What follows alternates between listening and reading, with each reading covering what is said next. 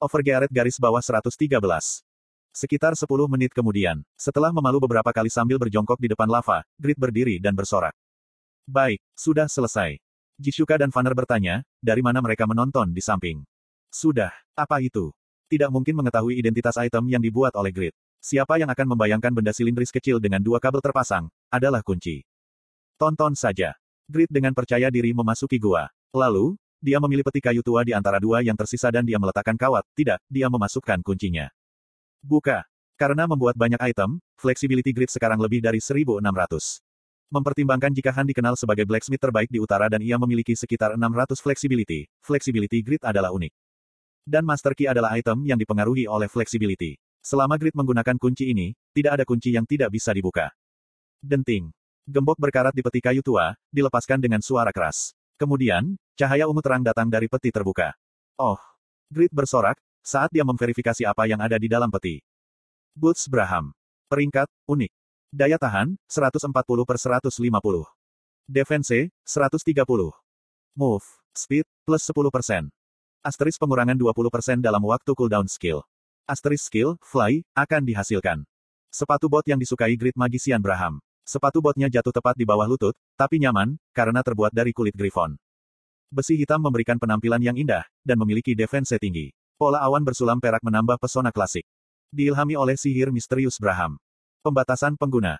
Level 240 atau lebih tinggi. Berat, 50. Ilmu pedang Pakma terdiri dari skill tree terkuat. Tapi, setiap skill memiliki kelemahan fatal dalam waktu cooldown yang panjang. Secara khusus, kill dan transcend adalah dua skill paling kuat. Tapi, waktu cooldown mereka terlalu lama. Karenanya, mereka tidak dapat digunakan secara efisien. Opsi pengurangan 20% waktu cooldown skill, milik Braham's Boots. Seperti cahaya yang cemerlang untuk grid. Selanjutnya, sihir Fly terpasang. Bukankah Fly adalah skill eksklusif beberapa mage? Fly. Memanggil sayap sihir yang tak terlihat, untuk terbang seperti burung. Kecepatan terbang sebanding dengan magic power pengguna. Tidak ada batasan ketinggian, tapi hati-hati dengan kekurangan oksigen. Biaya mana skill, 2 poin per detik. Cook. Fanner dengan antusias mendesak Grid. Tolong bagikan informasi tentang sepatu denganku. Fanner melihat, jika sepatu bot di dalam peti jelas memiliki nilai tinggi. Dia ingin mengetahui kinerja mereka. Jishuka juga sama. Dia tidak bertanya langsung seperti Fanner, tapi matanya yang sangat bersinar, menunjukkan keingintahuannya. Dia terlihat sangat lucu, saat mencoba menahan diri. Heh, jika kamu penasaran dengan apa yang telah aku peroleh. Grid membagikan informasi item dengan ekspresi sombong. Kedua orang melihatnya dan ketakutan. Heok, Fly. Mage harus memiliki kelas kedua untuk mendapatkan sihir terbang. Seorang player harus memiliki setidaknya level 200, untuk mendapatkan kelas kedua mereka. Dengan kata lain, itu berarti jumlah mage yang telah belajar sihir terbang pada saat ini, dapat dihitung dengan satu tangan. Namun, siapa pun yang memakai sepatu ini bisa menggunakan skill fly. Itu adalah barang yang sangat langka. Sepatu ini sangat menakjubkan. Aku hanya bisa mengaguminya. Mampu terbang, opsi yang terpasang benar-benar hebat. Defense-nya juga luar biasa, jadi siapa pun akan mengingini sepatu ini. Kata-kata Vanner tulus. Bisakah kamu menjualnya kepadaku? Aku punya banyak uang. Aku akan membelinya dengan harga mahal. Ya, Bayangkan itu, kemampuan untuk terbang bebas di langit. Itu adalah kesempatan langka untuk membeli hak istimewa, yang hanya bisa dinikmati oleh mage senior. Fanner dengan tulus menginginkan Boots Braham. Dia bersedia menginvestasikan banyak uang. Selain itu, Grid sudah merasakan kebaikan uang. Dia jelas bisa merasakan tatapan orang-orang ke arahnya berubah, setelah dia mengendarai mobil mahal. Dia menerima perlakuan khusus ke mana pun dia pergi. Grid dapat menyadari mengapa orang membual dengan mobil asing dan tas mewah. Ya, tujuanku adalah menjadi kaya. Grid tidak lagi ingin hidup seperti pengemis. Dia tidak lagi mengalami kesedihan, karena tidak punya uang. Dia menghasilkan banyak uang, sehingga dia bisa makan ayam kapan saja dia mau. Dan bisa menambahkan dua telur ke ramyun, jika dia mau. Namun, tidak perlu terburu-buru. Hutang sudah dibayar dan dia memiliki sumber pendapatan yang stabil. Dia juga sudah membeli mobil. Pada akhirnya, Grid menolak tawaran Vanner. Aku tidak terburu-buru mencari uang, sepatu ini sangat berguna untukku. Jadi, aku tidak ingin menjualnya sekarang. Vanner merasa menyesal. Cook, maka, itu tidak bisa membantu. Boots Braham memiliki batas level 240.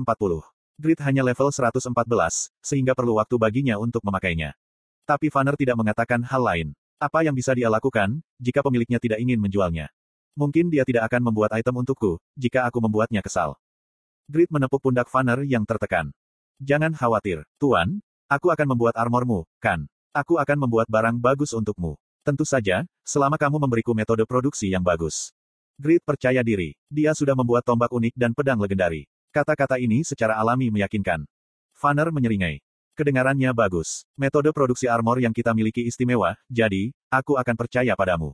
Tapi, kenapa kamu memanggilku Tuan? Aku seusia dengan Pon. Jika kamu memanggil Pon dengan namanya, kenapa kamu memanggilku Tuan?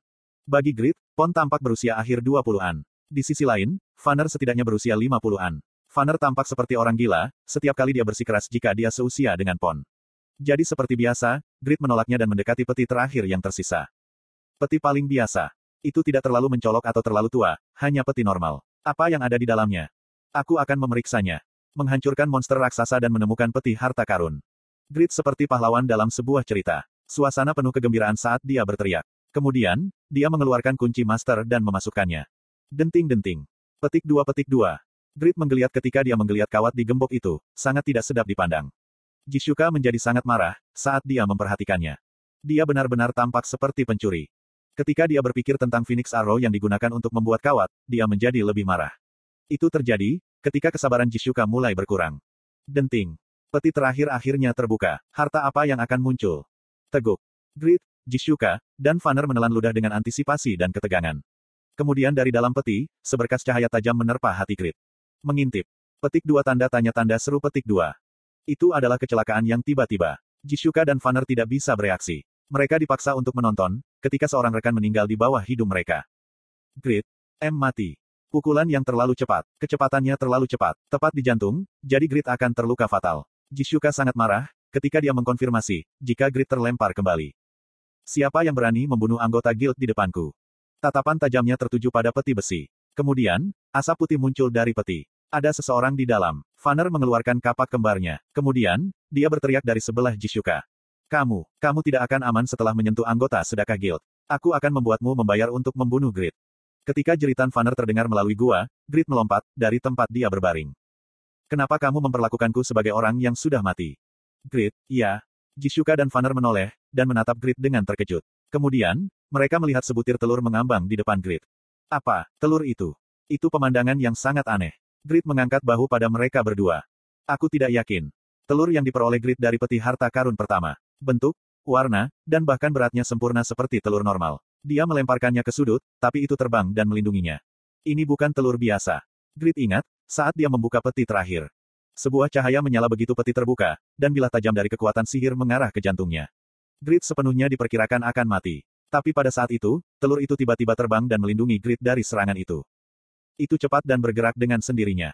Itu juga memiliki daya tahan yang sangat baik. Ini bukan telur biasa. Telur itu jelas barang unik yang luar biasa. Ini bukan telur ayam sederhana, tapi telur makhluk mitos. Apakah hal seperti itu mungkin terjadi? Mungkin itu naga. Telurnya kecil, tapi siapa yang tahu? Apakah ada undang-undang, jika telur naga tidak boleh kecil? Duguen, Duguen, Duguen. Mungkin dia akan menjadi orang pertama yang memiliki naga, sebagai hewan peliharaan di Satisfi. Jantung Grit berdetak kencang saat mengantisipasi, dan mulai beresonansi di seluruh gua. Kemudian kulit telur itu bergerak. Jejejeok. Itu terbuka. Jenis kehidupan apa yang akan menetas? Grit menyaksikan dengan ekspresi kosong. Kulitnya benar-benar dikupas, tapi isinya bukan makhluk hidup. Itu adalah benjolan logam dalam bentuk cair. Ya, benjolan itu persis seukuran telur. Sementara Merkuri adalah perak, logam ini adalah emas. Itu seperti air emas. Apa ini? Susuk, sususuk. Grit terpana pada gumpalan emas di depannya. Sementara itu, bayangan seseorang muncul dari peti yang mengeluarkan asap.